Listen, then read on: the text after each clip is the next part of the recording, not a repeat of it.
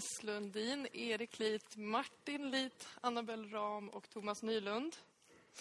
Eh, vi ska ju prata under en rubrik som heter Gamla resurser och nya resurser. Det är en uppmanar väl ändå till frågor om tingens värde, om teknisk utveckling och sådana liknande frågor. Men eh, också om skräp och sopor och återvinning och det som vi kanske trodde var skräp eller det som återbrukas. Och det är väl vad ni som gäster har gemensamt. Eh, Martin, Erik och Hannes, ni driver ett företag som heter Lit, Lit Lundin. Eh, ett möbelföretag och ni har några principer. Och nu ska jag räkna upp dem så får ni säga om jag, jag har fel. Ja. Eh, ett, att alla resurser som ni använder vid tillverkning ska tas från en radie av fem mil. Ja. Att möblerna görs av förnybara råvaror och att möbeln har en livslängd som motsvarar den tid som naturen behöver för att förnya råvaran. Ja, du har läst på bra här. Ja. Jag läste ett examensarbete. Det är därför. Eh, Den här mittpunkten på er femmilsradie är just nu på er gård i Torsåker. Ja. Kan ni ge ett exempel vad som skulle hända om man flyttade den mittpunkten till exempel hit där vi sitter ikväll? Det hade inte varit så stort, en så stor flytt. Eh, Så vi hade jobbat med ungefär samma, samma material. Det som hade hänt hade blivit mycket mer hav och, och kust. Och vi hade väl fått hitta material man kan använda därifrån då mer.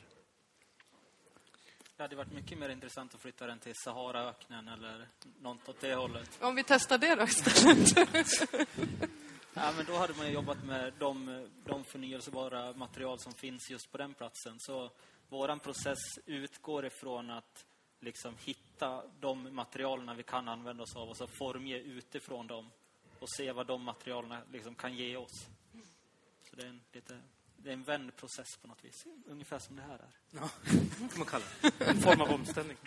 Men så en flytt hade ju gett oss... eh, Så nu bygger vi möbler, mycket i trä och läder och så. Hade vi varit i Sahara så hade vi byggt andra saker antagligen. Blåst glas, sand, inte vet jag. Men det hade blivit helt, helt andra produkter. Eh, Annabelle, du skriver just nu din masteruppsats i arkeologi om sopor genom historien. Eh, när tycker du att någonting förvandlas till skräp? Oj, det är en jättesvår fråga. Det är det jag ska spendera hela våren med att ta reda på. Ehm, så, men det är väl eh, alltså just att jag, jag har ju kollat mycket på, eller är väldigt intresserad av just livscykler för objekt. Och då kan man ju se egentligen att ett objekt kan vara skräp många gånger genom sin livscykel. Och det beror väldigt mycket på vad man har för relation till det här objektet. Om den är i vägen så är den ju skräp, men om man har en relation till den så är den ju värdefull. Även om den är trasig. Liksom. Så det, det beror på, skulle jag säga. Eh, Thomas, du är förbundsdirektör för Gästrika Återvinnare. Eh, jag läste att du har beskrivit dig själv som ingenjören som vill flytta fixeringen från tekniska lösningar till fokus på de mjuka framgångsfaktorerna. Vad är de mjuka framgångsfaktorerna inom återvinning? Jo, det är så här att eh, vi har ju kommit rätt långt i Sverige med återvinning. Vi skryter om att vi har 99 procents återvinningsgrad. Det är bara 1 procent av hushållssoporna som hamnar på tippen numera. Eh, och det blir ofta stor uppmärksamhet kring det här från, från utländska besökare som förvånas över detta, att vi har kommit så långt. Och då börjar de alltid fråga om tekniska lösningar. Vad har ni för anläggningar? Eh, men eh, om man resonerar ett tag så kommer man snabbt till insikt om att eh, det är en rad mjuka faktorer som måste vara på plats för att det här ska fungera. Det handlar om, eh, väldigt mycket om, om människors eh, medvetande, och attityder och beteende. Eh, hur man konsumerar och hur man sorterar för att möjliggöra den här återvinningen. Och det handlar om eh, lagregler och regelverk och ekonomiska styrmedel. Också väldigt mycket. Politiska beslut som leder i den här riktningen.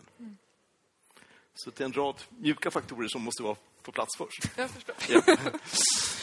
Det finns ett uttryck som heter avfallsregim som i korta drag är det rådande synsätt som vi har på sopor och sophantering och skräp. Eh, Det synsätt som är så givet så att man kanske inte tänker på att det går att förändra. Om ni skulle spekulera med era olika områden, hur tror ni att vår tids avfallsregim ser ut? Annabelle kanske? Eh, oj, jag vet inte. Alltså, vi har ju en ganska strukturerad... Alltså vi, vi vet ju väldigt mycket om hur vi ska göra oss av med vårt avfall. Vi har ju en ganska klar bild om vad som ska hända men vi, också, vi tar ganska mycket för givet också vad som ska hända efteråt. Hur tänker du då? Att, eh, ja, men att eh, när man sorterar sina grejer rätt så är det någon som kommer och tar hand om det. Det kommer en bil och det kommer, den bilen kommer lägga det på rätt ställe och det kommer bli nya saker. Till exempel. Eller, eller det kommer bli energi eller värme eller så. så ja. Jag tror att man, eh, man... Det är mycket tillit i det där systemet, tror jag. Faktiskt. Är det någonting som ni tror att eh, vi, att vi har några idéer idag som man om 30 eller 40 år kanske kommer ifrågasätta? Ja, det är väl just det här synsättet att, att avfall är någonting som man ska ta hand om och, och behandla och bli kvitt. Eh, men jag hoppas att vi befinner oss i en, en, eh, en rörelse i vår avfallsregim då, bort från det här synsättet. För om man tittar på kommunal, kommunal renhållning, ursprungligen så handlar det om att samla in soporna och lägga dem någonstans på någon plats där de stör så lite som möjligt. Undanröja en sanitär olägenhet och lukt och sånt. Men, men eh, sen började vi sortera och återvinna. Då tog, tog vi klivet liksom inom renhållningen från soprumsdörren in till kanske bostaden då, att man ska skapa möjligheter att sortera. Eh, men nu är vi en, på en rörelse mot nästa led. Nu, så som vi jobbat på eh, Jessica Återvinnare, eh, så handlar det om att, att påverka människorna i konsumtionsögonblicket. Att göra kloka val där.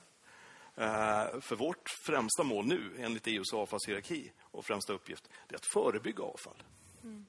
Så jag hoppas att vi kan komma åt det hållet, att göra kloka val. Eh, Så vi har fortfarande en stor fordonsflotta som samlar in det här avfallet varje dag. Alltså vi har 40 bilar. Eh, massor med tonnage som, som körs. Va? Men vi har en förflyttning på gång mot att försöka påverka attityder och beteenden, påverka människorna i deras valsituation, att göra kloka konsumtionsval. Eh, vi vill också, skulle också vilja påverka producenterna att skapa andra slags produkter som går att återvinna lättare. Det har vi ju ett lysande exempel, tjejer. Och menar, eh, Lit Lundin eh, representerar ju väldigt starkt det andra steget i avfallshierarkin, det här med återbruk. Att använda saker på nytt genom längre livslängd. Så att man förskjuter den här tidpunkten när de blir avfall. Men apropå den livslängden, ni har ju ändå beskrivit er idé, alltså Lit Lit Lundin, som att det ni skapar anpassas efter att en användare, objektet, ska kunna liksom, tillsammans leva vidare i x antal år. 30 år till exempel, om trädet ni tar är 30 år. Hur garderar ni era möbler för ett samhälle i 30 år framåt i tiden? Ja, det är svårt att säga. Det, eller det, det försöker vi göra. Det blir liksom en, att, att bygga in en historia i produkten på något vis. Så att det, det finns liksom mjuka värden i, i produkten också. Så vi vill försöka beskriva liksom en idé och en vision i, i de grejerna vi säljer. Sen om, sen om de som köper den tar till sig den, det, det kan ju aldrig vi vara säkra på. Vi kan ju bara försöka förmedla den så bra vi kan. Och sen, sen handlar det också mycket om att, att inte bygga trendiga möbler. Om det, om det kommer en, ett magasin som säger att årets färg är rosa. Om vi då börjar bygga rosa möbler så är det ju en stor chans att våra möbler åker ut när lila är, är grejen sen. Och att man ska försöka designa och tillverka tidlösa objekt som kan, som kan klara de här trend upp och nedgångarna. Och kanske även reparerbara objekt. Där man då, om en del går sönder, att man kan liksom komplettera med en ny del och enkelt montera ihop och montera isär. Och, Ja, lite cradle to cradle. Tänk att man kan ta isär delarna till liksom ursprunget. Och sen gärna om man ska förflytta möbeln en längre period eller om man ska flytta liksom att man kan montera ner möbeln och liksom lätt att packa i ordning och, så att det inte blir några svårigheter när man om, man, om liksom liv, livssituationen förändras. Typ något sånt. Jag tycker man, jag var inne på något väldigt viktigt där, alltså just den, den förflyttningen då, alltså att skapa annorlunda produkter som har en längre livslängd, som går att demontera och ändra och, och reparera. Eh, jag tror man måste hitta liksom nya affärsmodeller här. Det handlar om att, behöver man köpa och äga allting eller kan man, kan man hyra det? Kan man eh, abonnera på en funktion istället då? Det finns ett fint projekt, Lånegarderoben, som en, en kompis till oss har startat i Stockholm, där man liksom som ett bibliotek fast för kläder. Så man går in och lånar kläder, och man kan lämna tillbaka, man kan skänka dit och liksom... Och där, där, där finns det ju inget ägande i kläderna utan det är ju liksom den som har det som njuter av det tills man lämnar tillbaka det till lånegarderoben. Och det är ett stiligt sätt att, att se på se på sina kläder kanske. Men det handlar också om den här, just de här mjuka faktorerna, återigen då, attityder och beteenden. Då, alltså att Ja, precis. Komma över i det, ett annat tänkesätt. Måste jag äga allting som jag ska ha? Och det blir en ekonomisk fråga någonstans också. Att då går jag dit istället för att gå och köpa mina nya kläder på H&M liksom. Ja, men och det, som, det som jag hade som avfall som jag kanske lämnar in då till den här garderoben. Kanske är någonting som du uppskattar någon annan gång eller liksom. Ja, precis. Då gör man ju någonting som var avfall för mig till någonting värdefullt för dig. Men då är vi inne på det du sa, Annabelle, att det är ju inte sopor så fort någon inte tycker att det är sopor. Eller liksom, Exakt. Men då måste ju finnas någon som tar hand om, eller liksom kommer på det där att men vi kan ju faktiskt använda de här soporna till att göra det. Eller Ja, sopor om man nu ska kalla det det. Men ja. Finns det sådana exempel som du har sett i din forskning? Eh, på alltså På just liksom att man återvinnande av... det finner ett sånt eh, återbruk som vi inte räknar med. Oj. Ehm, alltså jag tänker mest att det här, det är ju ett, ett tänk som man har haft jämt. Alltså ett hållbarhetstänk, att en, en grej ska räcka länge. Liksom man hade ju ett par, alltså kläder kunde ju gå i generationer förut. Så det här är ju egentligen, vi har ju egentligen uppfunnit det här igen för att vi måste. För att vi har någon sorts krav på oss i samhället att, att eh, nu måste vi börja tänka hållbart igen. Så Eh, Men jag kan inte komma på något på rak arm. Så. Det är mer, jag har ju kollat mer så här sop, eh, var soporna hamnar. Mycket landskap har jag kollat på. Och, eh, och då har ju soporna blivit någonting annat. Till exempel. Ehm, ja, men Hammarbyhöjden är ju ett bra exempel, till exempel. Fast det kanske blir ett sånt exempel ju. Att den har blivit en skidbacke. Och eh, alltså dumpmassor från att man har byggt en stadsdel och så blir det en skidbacke för att, ja, varför inte? Vi ska ju lägga grejerna någonstans och då gör vi något kul av det. Hade de en tanke då att det här blir en bra skidbacke sen? Nej, för det här, det här har ju hänt flera, på flera ställen, i, alltså inte bara i Stockholm utan i hela Sverige och världen. Så det, man hittar väldigt ofta de här stora sophögarna och gamla soptippar och grejer. Men eh, jag antar att de såg möjligheten. Men då är det ju inte avfall längre. Då är Nej. det ju ett byggnadsmaterial eller liksom. Ja, precis. Det är byggnadsmaterial. Fast, fast man är också ganska stolt över att kalla det liksom att det här är gamla, gamla delar av Stockholm som vi åker skidor på och som vi springer upp för på sommaren. Och, så ja, Ja, men det blir ju en, det blir en historia också. precis, precis. Och då får man en relation till det och då Ja. blir man lite mer kär i den här skidbacken. men om det är gamla batterin i skidbacken eller liksom Ja. sådana här saker, då... Då måste man ju kolla på eh, alltså miljöaspekter. ja. Kan vi ha kvar den här skidbacken? Den kanske förstör sjöarna runt omkring och vattentäkter och allting. Ehm, men i vissa fall så blir det här... Alltså miljöaspekten får gå lite åt sidan för att man ska jag vet inte, ha kvar det här kulturella värdet som den här skidbacken då är. Den är ju kulturellt värde eftersom att den påminner om oss, eh, oss om eh, byggnad, byggandet av Stockholm. Eh, men också att alltså, men det går ju inte att flytta den. Om man skulle, om man skulle tänka så. så man, ja. Det finns också ett annat exempel, eh, om det är någon som vet, Bilkyrkogården i Ryd. Ligger nere i södra Sverige, om det är ja, Småland måste det nog vara. Eh, alltså en, en bilkyrkogård. Eh, En samlare som hade, alltså, han hade hundratals bilvrak som stod då på hans gård.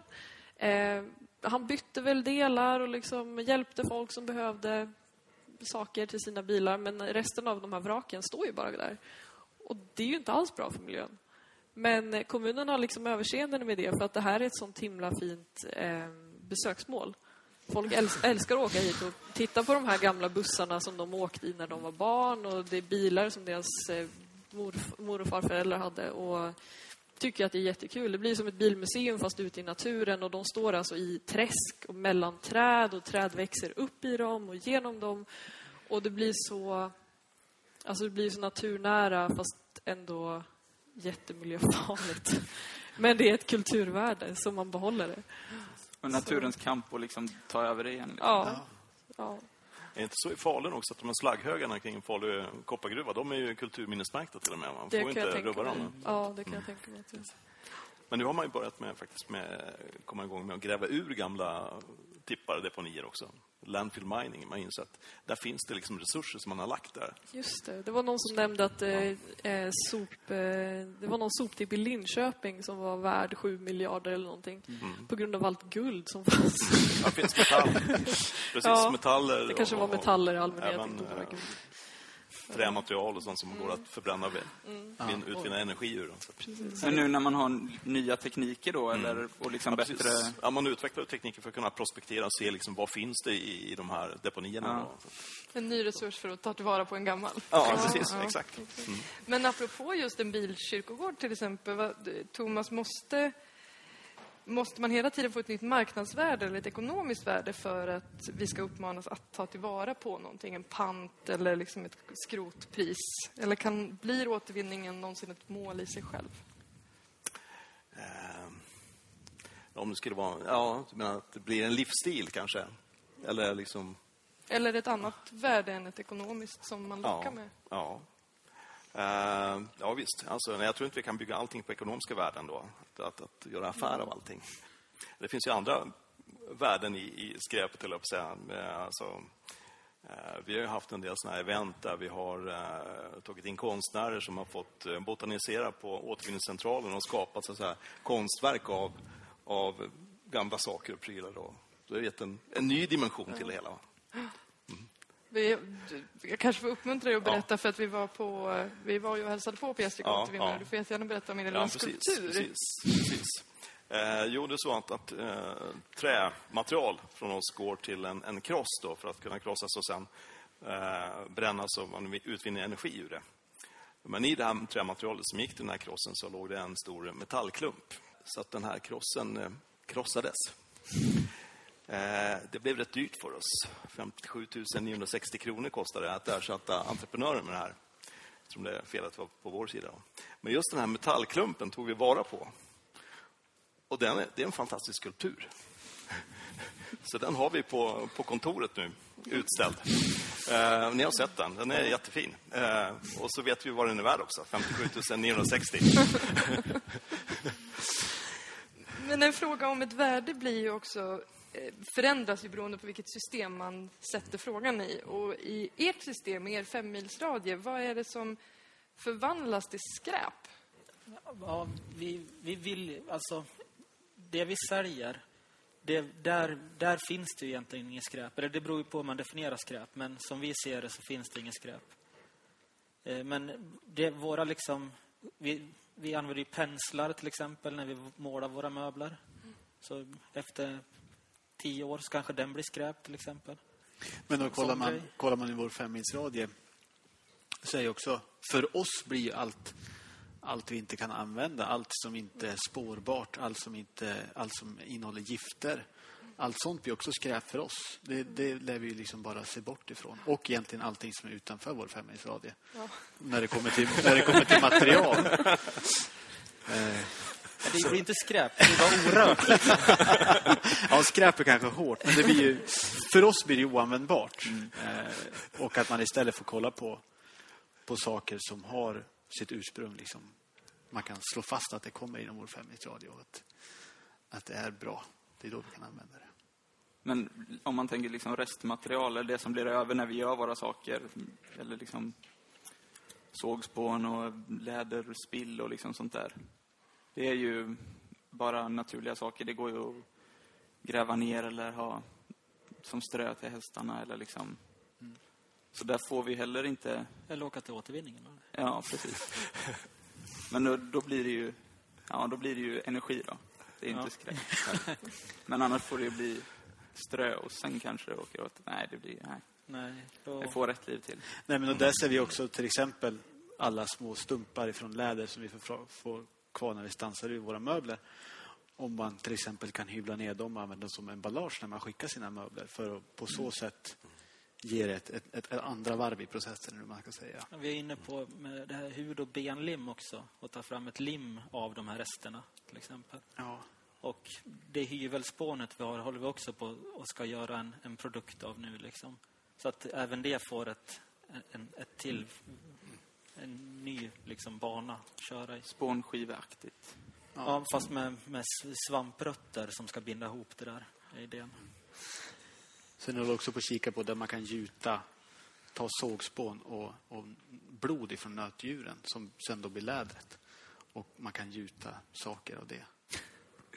Så att det finns ju många olika saker man kan göra för att liksom minimera skräpet från produktionen och försöka, försöka hitta ett värde i allting. eller Man kan säga. Göra någonting värdefullt av allting. Alltså, det är ju liksom där. Och det är ju bra. Så då är det ju inte skräp. Då är det bara att hitta nå- någonting att göra av det. Det är när man väljer att slänga det det blir skit av det. Eller? Finns det ekonomiskt, jag tänker på sopor, finns det ekonomiskt värde? Alltså så här, en vanlig sopa, en korg med aluminiumburkar, om man skulle spara burkarna och sälja dem där. Eller jag tänker på skrotkoppar, alltså eh, mjölkpaket, plast. Eller, Ja, det finns ju en ekonomisk uppsida alltså, om det finns en, en, en avsättning för materialet. Då. Som metallskrot, det får vi ju intäkter på då. Sen varierar det väldigt med, med konjunkturen då. Så att, eh, Men som- full så. Som privatperson kan det finnas någon idé att spara sina hushållssopor för att sen kunna sälja i bulk. Ja, om, man har tomt vardagsrum Ja. eller något. Ja, då får man titta i kristallkulan. Liksom, vad, vad, kan det finnas för avsättning för det? Eh, alltså, det där varierar liksom väldigt mycket. Eh, nu har det varit eh, mild vinter, så då eh, ville man inte ha mer sopor till, till förbränningen. Då. Så man ska spara till varje vinter Ja, varje vinter kan du spara. Då kanske du kan få betalt för det till och med. Mm. Eh, någon gång i framtiden. Jag vet inte. Men apropå den att titta i kristallkulan och framtiden, tror ni, om ni förstår att ni bara får spekulera, men tror ni att vi anser att någonting har värde idag som vi om till exempel 30 år, apropå Martins exempel, kommer anse vara värdelöst eller tvärtom? Ja, absolut. Du behöver inte spekulera i det. Men eh, alltså sagt, alltså, vi ser redan idag liksom, om konjunkturerna skiftar. Alltså, skrot har vi fått eh, som lägst kanske betalt 400 kronor tonnen för blandskrot och uppemot 3000 kronor när det blir högkonjunktur. Och så där. Så att, eh, och man kanske hittar nya, nya mm, produkter som man behöver vissa material till. Va? Så att det, det, ja. Har sådana förändringar skett under tiden du har jobbat med det? Oh ja, ja, och det har varierat med priser väldigt mycket då, så att säga, på, just på, på eh, skrot och trä och eh, en del material som vi tidigare la på tippen kan man nu återvinna och göra nytt av. Gips till exempel, det hamnar på tippen tidigare, men, nu kan man återanvända det och göra nya gipsskivor. Så att det blir en cirkulär ekonomi där. Och även de här dataskärmarna. Ska... Dataskärmar, precis. Vi hade ett samarbete med Chalmers industriteknik. Där man tar, kan ta vara på gamla plattskärmar och, och det material som finns i dem och bygga om till, till LED-armatur. Armaturbelysningar. Som dessutom är ju extremt bra belysning. Ja, precis. Va? Bättre än vanliga lysrör, energieffektivare, ger ett bättre ljus, eh, eh, underhållsfria, mm. kvicksilverfria. Rad fördelar. Eh, Annabelle, om man tittar bakåt i tiden istället, kan man liksom se märkliga saker som folk har slängt eller ser man spåren? Som vi skulle, inte skulle slänga idag, Ja. menar du? Eh, ja, jag tänker ju på... det finns en, eh, en film från 60-talet. Det är säkert många som har sett den här. Eh, där de alltså förklarar för människor hur man ska göra. Lite det som du håller på med, att man är ut med informationen. Hur ska man göra med, sina skräp, med sitt skräp? Eh, och I den här filmen så visar de då bilder från en sjö. Och eh, i den här sjön så har det flytit i land en massa skräp och så säger de att ja, det, det här ser ju för hemskt ut. Se nu hur det ser ut. Usch. Eh, så här ska ni göra istället. Ni tar en låda och så lägger ni allt ert skräp och sen lägger ni sten i lådan. Och så trycker ni lite hål och sen sänker ni den i sjön helt enkelt. För då försvinner ju skräpet. skulle vi ju aldrig göra idag. Alltså, eller jag, vet, ja, jag hoppas inte vi skulle göra det. i. Eller? men, men det känns som att... Alltså, jag vet inte. Men, men samhället har ju någon sorts... Vi sätter ju lite press på varandra. Att vi, vi höjer mora- moralen mot varandra och vi, vi backar inte för att liksom sätta dit folk som gör fel, lite grann. Så, äh, ja, det är väl det som jag tänker på. Jag, jag vet inte, de äldre i publiken kanske kommer ihåg de här Rigello-förpackningarna med öl. Eh, De gjorde ju reklam just att det var utmärkt för seglare för att eh, de har plastflaskor med öl. Man stack hål i dem och så slängde de över bord så sjönk de ju då. Så blev man av med dem. Men just det, det som du var inne på det här med, med alltså, det här med eh, Ansvar. ansvar och hur man gör och att, att, att så det finns en forskare här på högskolan som heter Jonas Kågström som har tittat på, på människors beteende kring sopsortering och så här. Han har doktorerat på STK-återvinnare då, eh, kunder. Om man är ett flockdjur och man gör som andra gör. Eh, och skam är tydligen en, den starkaste känslan som, som människa kan känna. Eh, starkare än, än kärlek till och med. Då. Så att eh, om grannarna avslöjar med, en, en, med att inte sopsortera så känner man skam. Och då är det därför man sorterar, inte för miljön. Men det, känns ju lite hemskt att det bara liksom ska vara... Det är bara skammen som driver oss framåt. Liksom. Ja, det är lite deprimerande. andra? Ja, det är inte så i alla fall naturligtvis. Det kan ju kännas ganska bra att sopsortera också. Absolut, absolut. Vi har ju fördjupat oss nu i det här med, med eh, beteenden och vad som triggar det egentligen.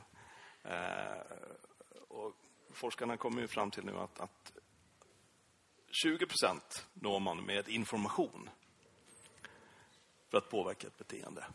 Men 80 procent handlar om konsekvenser av det du gör. Eh, att hitta liksom det som, som man nu kallar för priming och nudging och sådär. Att, att, att liksom ge återkoppling på beteendena. Just att stimulera det här med att, att göra rätt och att sortera. Va. Att ge någon form av belöning och uppmuntran eller återkoppling på det. Att hitta vägar för det. Hur gör ni det då?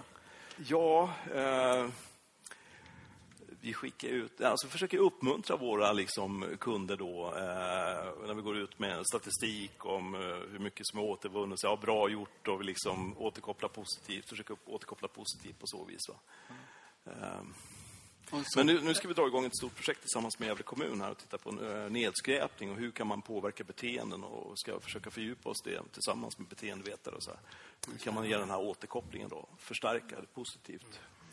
Men den, då? den direkta återkopplingen måste ju vara mycket starkare än den när jag Ja. får ett brev Ja, hem precis. Ja, precis, och det läser det. att nu slängdes det Ja, två ton mer i återvinningen. Och liksom, Precis. så att det når- mig ju kanske ja. inte som, så slående. Det är inte så starkt, nej, precis. Va? Så att då kunde man hitta den här direktåterkopplingen. Alltså, om, om soptunnan säger tack eller så här, så då vore det bra. Ja.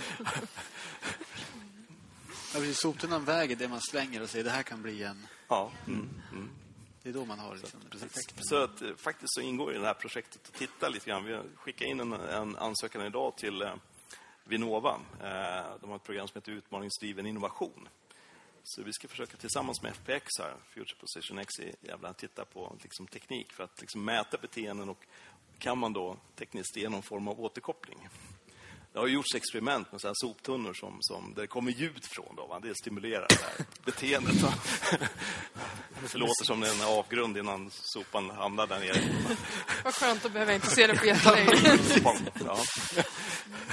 Annabelle, du sa ju någonting om det här med latheten. Ja. Och jag tänkte på, ja, hur, Eh, alltså du menar lathet? ja att människan är lat. Hur liksom, Ja, ja. Jag berättade för Martin och Gro igår att, eh, att det är så genomgående genom historien hur, eh, hur lata människor är. Man vill göra det så enkelt som möjligt för sig helt enkelt. Eh, och att, eh, alltså jag tänker att, alltså på 60-talet så var det enklast att, att kasta det i sjön. För att man såg inte konsekvenserna av det. Eh, och idag så försöker vi ju, alltså vi gör ju allt för att göra det så enkelt som möjligt för oss. Alltså vi bygger soprum väldigt nära där vi bor. Eh, vi ordnar olika kärl i köket. Våra kök byggs om efter hur vi ska sortera våra sopor egentligen. Eh, så, alltså, ja, det det är ju därför man läser historia. För att lära sig liksom hur vi, hur vi funkar, eller liksom lära av historien, helt enkelt. Så det är en sak man lär sig. Att, att folk är lata. Och, Ja, vi har också den här devisen att det ska vara lätt att göra rätt.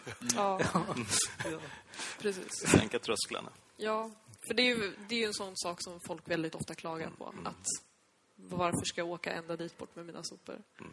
Så, ja. Absolut. Em, nu när vi talar, vi talar om återbruk och återvinning och hållbarhet också på ett sätt, så em, det handlar ju om någon slags strävan efter en balans i naturen eller i hemmet. Eller, att återvinningen är ett slutet system som innefattar allt material. Men finns det, tror ni, någonting som vi kan kalla för någon slags slutgiltig ekologisk balans? I till exempel hur ni jobbar. Ja, men våran tanke är väl att det... Alltså i, i våran, inom vårt företag, eller vad man ska säga, där ska det ju finnas en balans. Det vi tar av naturen ska liksom, som du sa innan, åter... eh, Det ska återbilda samma mängd material som det tar i den produkten under livslängden och liksom att det ska finnas en, en cirkel där, eller vad man ska säga. Så att vi aldrig tar någonting utan att det, det blir liksom plus minus noll. Ja, och för träden vi hugger ner så planterar vi också nya för att, för att naturen ska liksom gå plus när de samarbetar med, med oss. Så det är väl där vi försöker visa på ett, ett sånt exempel. Ser ni naturen som en liksom, eh, agent eller en aktör i, i samarbetar naturen med er som en aktör? Till och från. Jo, men det, det gör den ju absolut. Det är en samarbetspartner till oss. Men, men vi måste ju, vi, vi, vi försöker påskynda det genom återplantering till exempel. Det, vi liksom jobbar ju inte med naturlig föryngring, för det, det är lite mer osäkert. Det är svårare för oss att, att påstå att, att, att den går plus oss. Då. Därför planterar vi träd till exempel och sådana saker. Så det, vi, jobbar, vi jobbar med naturen. Och jag tror väl att egentligen alla, alla som gör någonting jobbar ju med naturen. Det är bara att man har uppmärksammat sitt, sitt samarbete med naturen i olika hög grad. Där vi kanske verkligen försöker se på alla sätt vi samarbetar med naturen för att tydligare göra hur, hur vi gör det. Medan om man har ett, en sop, sopfirma, eller vad man ska kalla det här för. Nej, men där samarbetar man också med naturen. När man kör runt bilar, men man samlar in skräp. Och liksom hur, hur naturen tjänar eller går minus med och, och samarbetar med er. Så det, det tror jag, att, det tror jag är liksom övergripande. Alla här inne samarbetar med naturen. Det är bara hur man, hur man själv uppmärksamma det. Om man kastar skräp i naturen, ja, då är man en jäkligt dåligt samarbetspartner. Medan om man källsorterar så är man bättre. Liksom. Talar ni om naturen på det viset på Gästrike återvinnare? Ja, eh, alltså greppet cirkulär ekonomi kommer ju allt starkare då. Att, att strävan att, att eh, skapa det här eh, också inte bara det ekologiska kretsloppet då, som är naturligt utan det här hårda kretsloppet just att, att material ska återvinnas och återföras till, åter till produktion för att kunna bli nya, nya produkter. Då. Eh, och som sagt, vi brukar ju skryta över att vi har en, en, en hög återvinningsgrad med 99 procent och sådär. Eh, och det är klart, det, det är bra att vi matavfallet separerar, vi, vi gör kompost, vi ska gå över till biogasproduktion och så vidare. Då. Eh, men samtidigt kan man inte undvika att, att bara reflektera över det här. Vad, vad, det är bra att vi återvinner, vi är effektiva i det. Man skulle kunna också likna det vid att vi är en så här, cancerklinik. Vi har blivit väldigt duktiga på att eh, rädda liv, alltså att rädda fler liv genom att återvinna mycket. Men samtidigt så ser jag liksom att vi får, patienttillströmningen är ju större och större. Det Så löser ju någonstans- inte grundproblemet. Nej, precis. Va? Så någonstans måste vi liksom angripa det också. Då. Själva roten och orsakerna till det här. Va? Ja, det ligger lite grann en fara i, för att jag brukar också skryta över det här att vi har en så hög återvinningsgrad, 99 procent och så. Då. Är duktiga på det. Va? Men, det räcker liksom inte. Va? måste ju tänka lite större. Eh, och det betyder inte att vi ska sluta vara effektiva i vår återvinning. Va? Eh, Relativt sett så har vi blivit liksom allt duktigare. Va? Men samtidigt måste vi jobba med, med grundproblemet. Då. Och då kommer det här förebyggande arbetet in. Va? Det kan man också likna vid hälsovården egentligen. Va? Alltså att försöka påverka då beteendet då, så att man inte blir sjuk. Då. Men så där jobbar ju ni ja. någonstans, ja, det, är väl ett klumpigt uttryck, men ni jobbar ju lite för att få mindre att göra. Ja, precis. precis. Ja, exakt. Att man ska exakt. kons- Ja. liksom skapa mindre sopor så att ni behöver ta hand om mindre sopor. Precis. Eh, Och det är klart, det här blir liksom någon slags konflikt också. Men det har ju politiker som säger, ja men ni ska väl bara samla in sopor så billigt som möjligt. Vad håller ni på med det där kommunikationsarbetet för? Och, så här, och samtidigt så EUs avfallshierarki säger, ja men det är förebyggande som är det viktigaste. Men hur jobbar ni med själva grundproblemet då? Vad, vad gör ni där för att, för att försöka lösa det? Liksom om, ni, om ni är ett plåster nu, hur läker ni såret? Ja, ja vi, får ju, vi får ju fortsätta med den vården. Det får vi fortsätta jobba med. Va? Men samtidigt som sagt så, så tittar vi på det här med, med hur kan man så att säga, kommunicera kring beteenden. Va? Vi går ut med det här med att alltså, göra smarta klimat och miljöval. Va? Eh, försöka stimulera återbruk. Ja, vi har ju inrättat återbruk på våra återvinningscentraler så att vi tar in saker där som kan användas på nytt och går till biståndsorganisationer och så vidare. Då. Eh, jag skulle gärna vilja gå in i clinch med, med producenter också. Av, Ja, Ja, men det är ju, det är ju Ja, ja. alltså, det kanske inte är eran uppgift att, att lösa grundproblemet, utan Det är väl allas uppgift? eller? Ja, men absolut. mm, men mm, de som skapar produkterna, det är ju de som skapar problemet. ja. Så då är det väl upp till dem i, i liksom störst grad. Men att- de kan ju då säga det är, det är upp till de som köper dem, för det är de som efterfrågar dem. Ja, det. absolut. Och där är vi. Ja. Precis. Men hur länge eh, kan ett föremål återvinnas? Blir det en långsam kvalitetssänkning? Eh, ja, det blir ju naturligtvis. Alltså, så jag, tror pappersfibrer kan man liksom, papper kan man återvinna sju, sju vändor tror jag, någonting sånt då.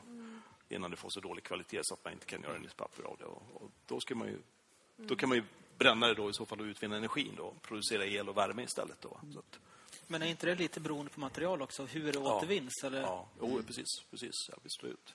Aluminium är väl en sak som kan återvinnas oerhört många gånger så, så länge den inte downcyclas. Liksom. Vad? Förlåt. Aluminium. Aluminium, ja precis. Va? Och aluminium är jättebra att, att återvinna. Alltså, de pantburkarna då, att, att panta dem och att de blir nya burkar sparar ungefär 95 procent av energiåtgången jämfört med att, att bryta ny bauxit och göra så att säga, Ja, jungfruligt material. Då. Eh, och där är vi ju duktiga i Sverige. Där har man ju, eh, pantsystemet har ju stimulerat det väldigt mycket. Man får en belöning direkt då för att man, man gör det här. Eh, så jag tror är 1,6 miljarder eh, burkar och flaskor som återvinns varje år i Sverige. Men skulle det kunna vara en lösning att införa pantsystem på allting då?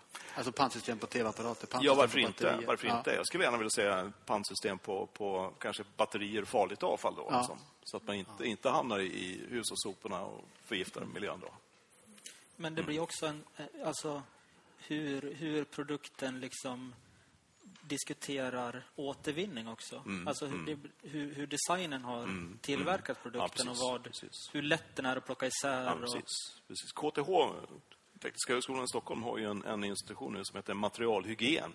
Där man just eh, forskar och tittar på det här. Hur kan man utforma och designa produkter så att materialen i dem inte är sammansatta på sånt sätt så att det förhindrar återvinning. Utan att man, de kan plockas isär och, och cirkuleras på nytt. Då. Och det kommer, jag menar, det, det, har allt fler... Genom det här konsumenttrycket så, så, Ja, precis. så vill allt fler ju- producenter ha en miljöprägel på sin produktion. Då, va? precis. Bilindustrin ett exempel, alltså man går fram nu att, att ja, 90 procent av bilen ska liksom vara återvinningsbar och sådär. Ja. Men då, då är det ju kanske inte upp till konsumenten att plocka isär sin egen bil. Men Nej, nej, precis. Men precis när man lämnar in den sen Ja, till skroten så ska den kunna liksom plockas isär. Eh, Ni sitter ju alla tre olika... Ni har ju liksom olika system som ni arbetar inom. Hur skulle ni var och en definiera ordet hållbarhet? Annabelle kanske? Oj. Alltså utifrån ett arkeologiskt perspektiv, menar du? Eller, ja. Ehm, alltså det blir ju så bakvänt för att arkeologer älskar ju skräp. Alltså vi älskar ju att hitta gamla saker som folk har använt och sen inte vill ha längre. Men eh, alltså hållbarhet... Eh, alltså, alltså slutna kretslopp, tänker jag. Alltså bara leva med, med material, eller med naturen och inte av den, tänker jag. Eller blir det fel då? Alltså det blir, för det blir ju av då. den, för att man tar ju träd, Ja. men man, ja, men det, ja. Typ. Ehm, alltså, ta ansvar. ja.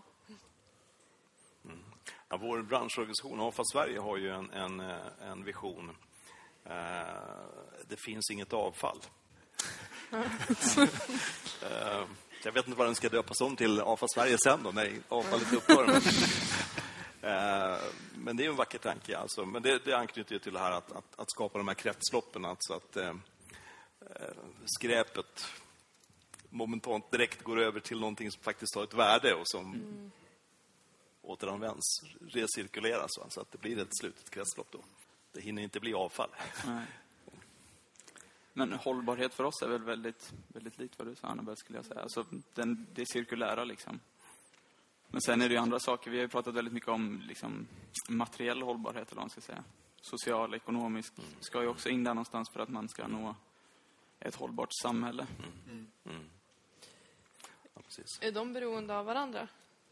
De liksom, den sociala hållbarheten, den ekonomiska. Ja, man kan ju uppnå social hållbarhet, men kanske inte ekonomiskt till exempel.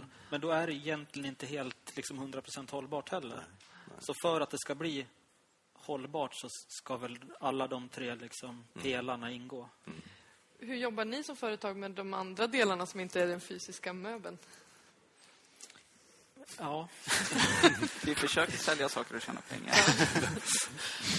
Nej, men de, de eh, sociala aspekterna i hållbarheten, det blir ju, hur ska man säga, Men det handlar ju också om hur man tar hand om materialen, eller att man inte arbetar med material som är farliga för människor. precis. Och, och sådana saker. Och det, det blir ganska svårt att, att liksom sticka ut av, över sådana saker om man jobbar i Sverige. För att här, är ju, här finns det en väldigt omfattande lagstiftning kring arbetsmiljö och sådana saker. Medan om man skulle göra våran, den här fiktiva flytten av våran femmilsradie till ett land där, som idag kanske är mer ett producerande land så kan man ju skapa en, en betydligt starkare prägel i de sociala frågorna där.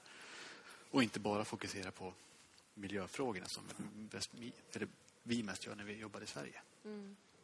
Men att om man, om man skulle jobba i ett producerande land så är det ju lättare att urskilja sig som en även socialt företag där man kanske då försöker etablera egna miljöregler som står över nationens regler. men så gör vi så gott vi kan här också. Alltså de samarbetspartner vi har i dagsläget vill vi att ska, alltså allt från djur till andra människor, att det ska vara liksom väldigt bra miljöer som, som de lever och vistas i. Liksom. Och en ekonomisk hållbarhet, det, det blir det ju först när vi, har, när vi har sålt en möbel och vi har tjänat de pengarna. Men då vill vi även kommunicera, våra möbler är ganska dyra. Och då vill vi kommunicera varför de är så dyra. Att liksom, Eller är de dyra? eller är de dyra? V- liksom, vem är det som ska betala priset egentligen? Hur, hur, har, den, har den rätt att kosta så mycket som den gör? Och det, blir, det blir liksom en, en ekonomiskt... Vi vill liksom komma fram till någon, någon idé om att försöka fundera kring ekonomisk hållbarhet också.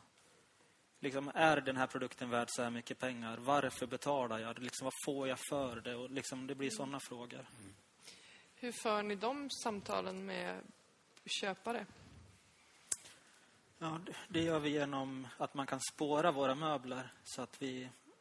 Man, eh, det finns ett litet nummer inbränt på alla möbler, ett unikt nummer. Och så slår man in det numret på vår hemsida så då liksom ploppar det upp vart, vart inom den här femmilsradien eh, kommer de här materialen ifrån. Och, liksom, och vi, har inte kommit, vi har inte kommit ända fram där utan vi ska utveckla det även till den här ekonomiska delen. att det här momentet kanske har kostat så här mycket och det har kostat så mycket. Och liksom så att man får ihop hela, hela cirkeln även där. Men så hypotetiskt idag så ser man, eller idag så ser man då till exempel vart, vart kon har gått, vart trädet har växt, vart linet har växt och vart linet har pressats och vart kossan sen har slaktats och garvats och hela den, den resan för att liksom förtydliga arbetet bakom det och att vi kan liksom garantera eller visa det ordentligt.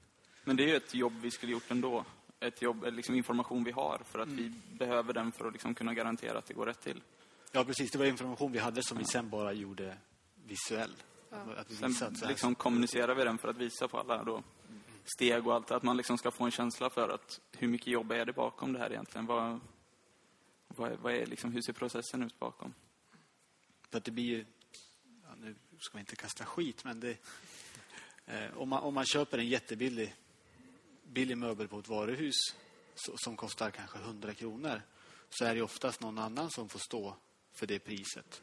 Att det antingen är miljön som behandlas som skit eller att det är någon arbetare som behandlas som skit någonstans.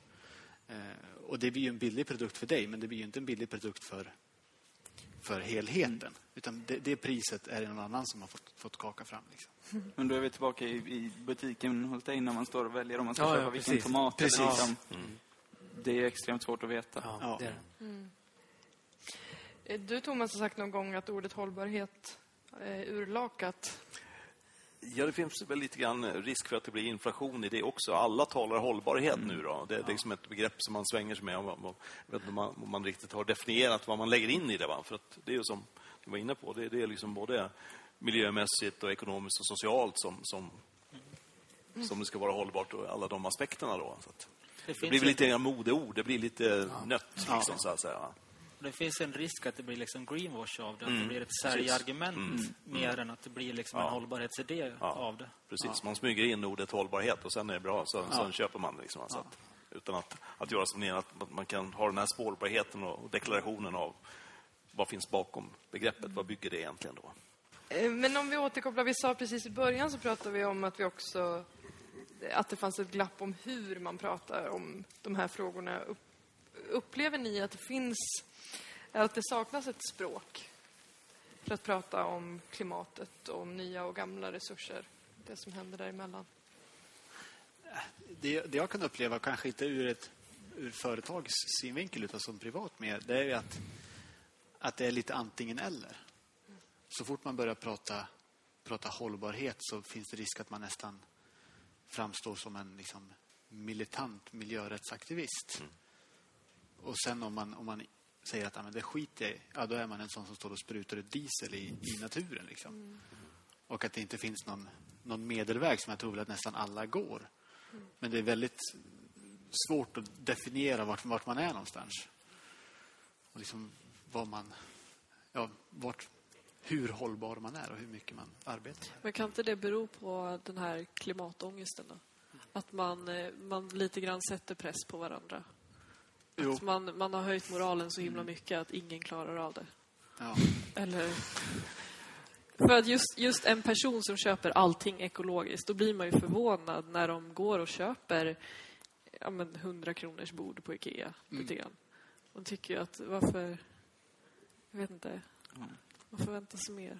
Inte Men det- konsekvent. Ja, Nej. ja men precis. Att det blir inte konsekvent. Men hur enkelt är det att vara konsekvent? Mm. Det, det är ju i princip omöjligt. Precis. Orkar man i alla Ja. dimensioner? Nej, då ska man stå och välja mellan de här tomaterna på Ica och tänka att den där kommer från Varbo men den har körts in av en person med tio tomater i lasten. Den där har kommit med båt men då var det en miljard tomater på den båten. Och så. Ja, precis.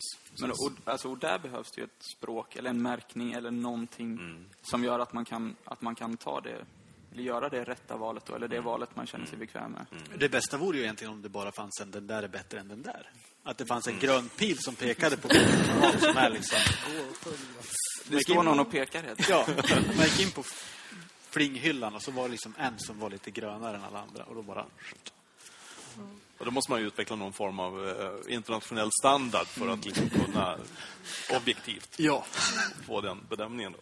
Och det är svårt att, för den då att innefatta allting och gälla i alla sammanhang såklart Nej, också. nej, så det, precis. precis. men ändå en, det blir väl en vägvisning i alla fall.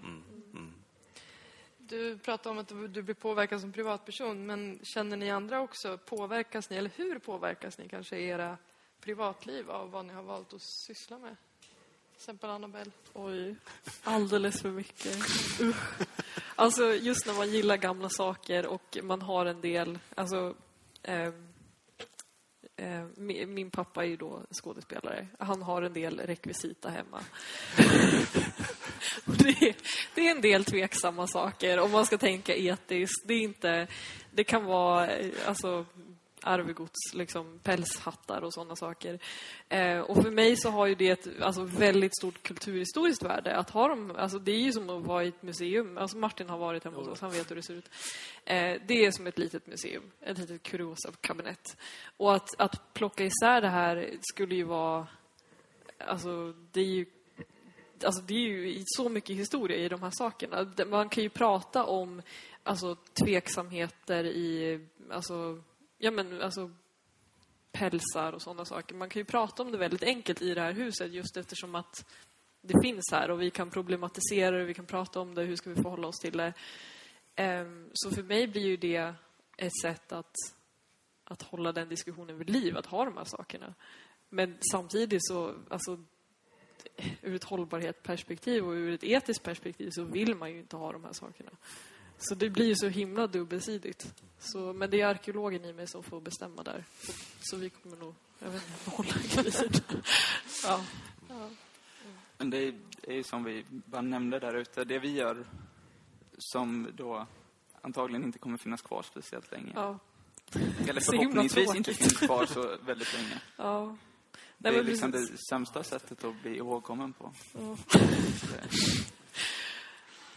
Ja. Men, men det blir ju, ju, mer, ju mer man läser om det.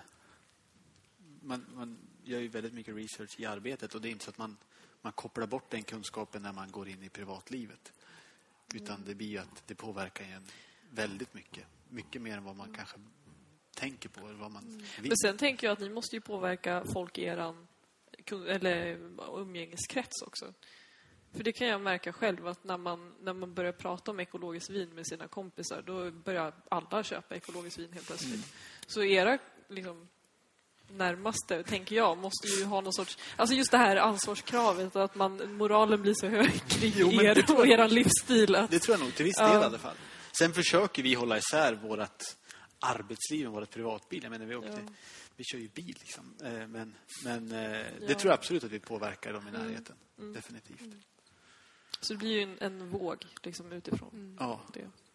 Jag kan, ja, Ja. jag kan känna att, att, att man möts av förväntningar att, att man ska agera på ett visst sätt utifrån att man jobbar med det här. Då, Jag tänkte säga. precis säga det. Du Ja. måste ju vara grym på att återvinna. När du står Ja, där och bryter. Ja, men precis. Ja, men, så är det ju. Jag, soprummet hemma så plockar jag ju rätt. Andra har slängt fel också. Eh, Så visst kan man känna de förväntningarna att man ska vara liksom lite föredömlig och, och gå i bräschen för det här. Va? Så att, att, att, att också lära, eh, leva som man lär, så att säga. Mm. Någon slags sista fråga. Ni pratade tidigare om de här eh, om liksom kretsloppet som en definition av hållbarhet. Hur, hur ser man och hur får man andra att se att människan är en del av det kretsloppet? Att man uppnår en slags insikt av att man inte är den som du beskrev det, som bara lever av, utan är i... Eller vad så? Ja. Att man ska vara en del av kretsloppet. Kretslopp. Ja, hur, Ja. Hur hittar man... Eh, ska jag förklara. Hur pratar man om en sån sak? Du, Thomas, till exempel, som ändå jobbar så mycket med liksom informationsflöden. Ja, alltså, vi har ju en vision som jag formulerat för, från Jessica Återvinnarens sida. Eh, tillsammans skapar vi vardagens miljöhjältar för en värld som räcker längre. Och det kan ju låta högtravande, va? Men, men det ligger mycket i, du kanske berör just det som du frågar efter, alltså det här tillsammansbegreppet. Alltså för att det, det handlar om, eh, inte minst de 160 000 invånarna i våra fem kommuner där vi verkar eh, som tillsammans gör de här vardagliga gärningarna, att sortera, göra kloka val och så vidare. Då. Och som leder till att, att den här hållbarheten, att för en, en bättre resurshushållning och att, att eh, en värld som räcker längre. Va? Så det kanske speglar det. Mm. Men det, jag tycker det handlar mycket om liksom, de valen man tar och liksom, hur man förhåller sig till hållbarhet. Alltså, om man bestämmer sig för att man är hållbar, varför är man inte hållbar då? Eller liksom, det beror ju på hur man, hur man ser på det också. Alltså när jag, om jag ska köpa någonting så frågar jag alltid, finns, det hållbar, fin, finns den här fast ekologisk eller, liksom, eller hur, hur är den här tillverkad? Och liksom, på något sätt försöka få folk att förstå att det är efterfrågade med hållbara grejer. Liksom, för att göra... Liksom, det är inte bara du, liksom, eller det är inte bara jag. Utan det, det blir ju blir alltihopa som ska vara det för att det ska bli det. Liksom. Kanske. Tillsammans. Ja, men just att man ser sig själv som en del i processen, precis. i kretsloppet. Och i att man inte står utanför och att ja, men det jag gör betyder ingenting. Utan man är faktiskt en del av Ja, varje systemet. liten del är ju bra. Liksom. Precis. Men om man ser återvinning som en fabrik och jag tänker på biogas. Till exempel så läser jag att eh, bussarna går på slaktrester. Mm, mm, Om man tar det vidare, mm, mm. vad tänker man då? När? Hur ska man? Det är en hemsk tanke, men om man Vill du- leker med den. Vill du bli biogas? Alltså, ja, det går ju. Jag har ju vänner som tänker då. Men ja, ja, ja var, vart någonstans, hur ställer man sig i relation till naturen? Jag tänker på, som man har gjort som naturfolk har man väl alltid betraktat att man går upp i någonting. Och vad är det man går upp i? Ja, Men det där är jätte, jätteintressant om man tänker livscykel. Alltså, vad ska man bli? Ja. Var, var Ja. slutar ens liv? Var, var slutar liksom min kropp på något sätt? Blir en gas till slut. Och vi blir väl biogas till slut, va? Men det vore Det bra om den kunde tas tillvara. Ja. Så att, eh, ja. Ja, men varför inte lite värmeelementet liksom? Ja, Lite makabert. men- Ja, men Det är väl absolut. ett ganska fint avslut? Ja. ja. Men det är kanske lättare... Det är lättare för den som blir biogas än för de som inte blir kanske.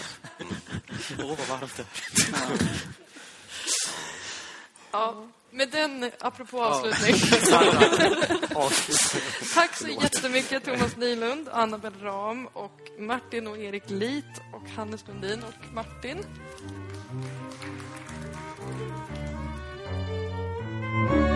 Thank